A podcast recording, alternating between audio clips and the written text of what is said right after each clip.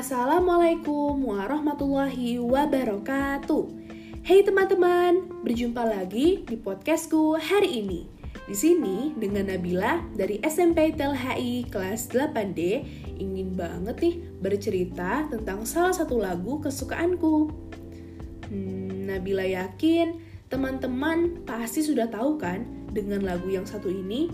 Itu loh, lagu bermotivasi penuh inspirasi karya asli band asal Indonesia, Nichi. Ayo, udah pada tahu belum lagunya apa? Yap, betul banget. Lagu Laskar Pelangi. Nah, lagu Laskar Pelangi merupakan salah satu lagu yang sangat fenomenal pada zamannya. Dirilis pada tahun 2008 dan diproduksi oleh seorang sutradara film sekaligus produser dan penulis lagu, dia adalah Mira Lesmana. Sedikit info nih, kata laskar dari laskar pelangi berasal dari bahasa Arab atau kata al-askar yang berarti pengawal atau prajurit.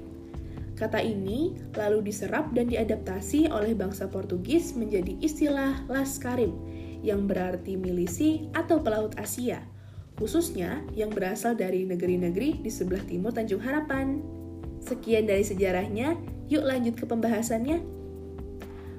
Nah, sinopsis dari lagu ini ialah ingin memicu semangat anak bangsa untuk menempuh atau meraih impiannya, walau di tengah kesusahan yang sedang dihadapi, serta kehidupan yang tidak adil yang akan membuat kita paham untuk lebih bersyukur dan menerima apa adanya dalam kehidupan ini.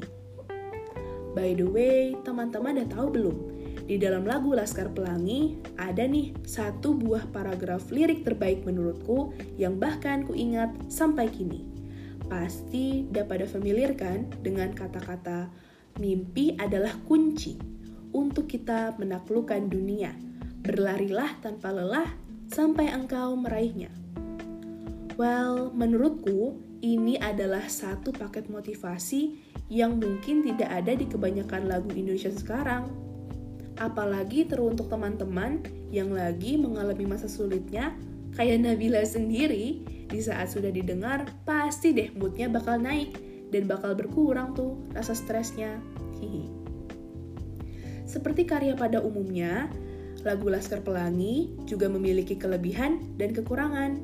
Kelebihan dari lagu Laskar Pelangi ialah memiliki bahasa yang cantik unik dan menarik sehingga kita sebagai audiens bisa ikutan merasakan berbagai energi dalam lagu, seperti kebahagiaan, kebersamaan, pantang menyerah, dan lain sebagainya.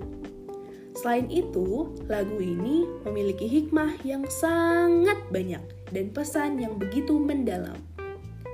Nah, kekurangan dari lagu Laskar Pelangi ialah walaupun lagu Laskar Pelangi memiliki nama yang sama dengan novel antologi Laskar Pelangi yang ditulis oleh seorang pengarang cerita ternama Andrea Hirata, tetapi pada kenyataannya lagu Laskar Pelangi tidak memiliki hubungan dengan cerita novelnya. Waduh, kok bisa gitu ya teman-teman? Ya, walaupun nih um, yang ada di lagu tidak ada hubungannya yang ada di novel, tapi menurutku lagu ini sangat recommended ya. Apalagi dengan iringan nada yang begitu menggiring semangat, pasti deh membuat teman-teman lebih segan untuk tidak memedulikan kebersamaan dan kesetiaan di saat masa sulit atau penuh kekurangan.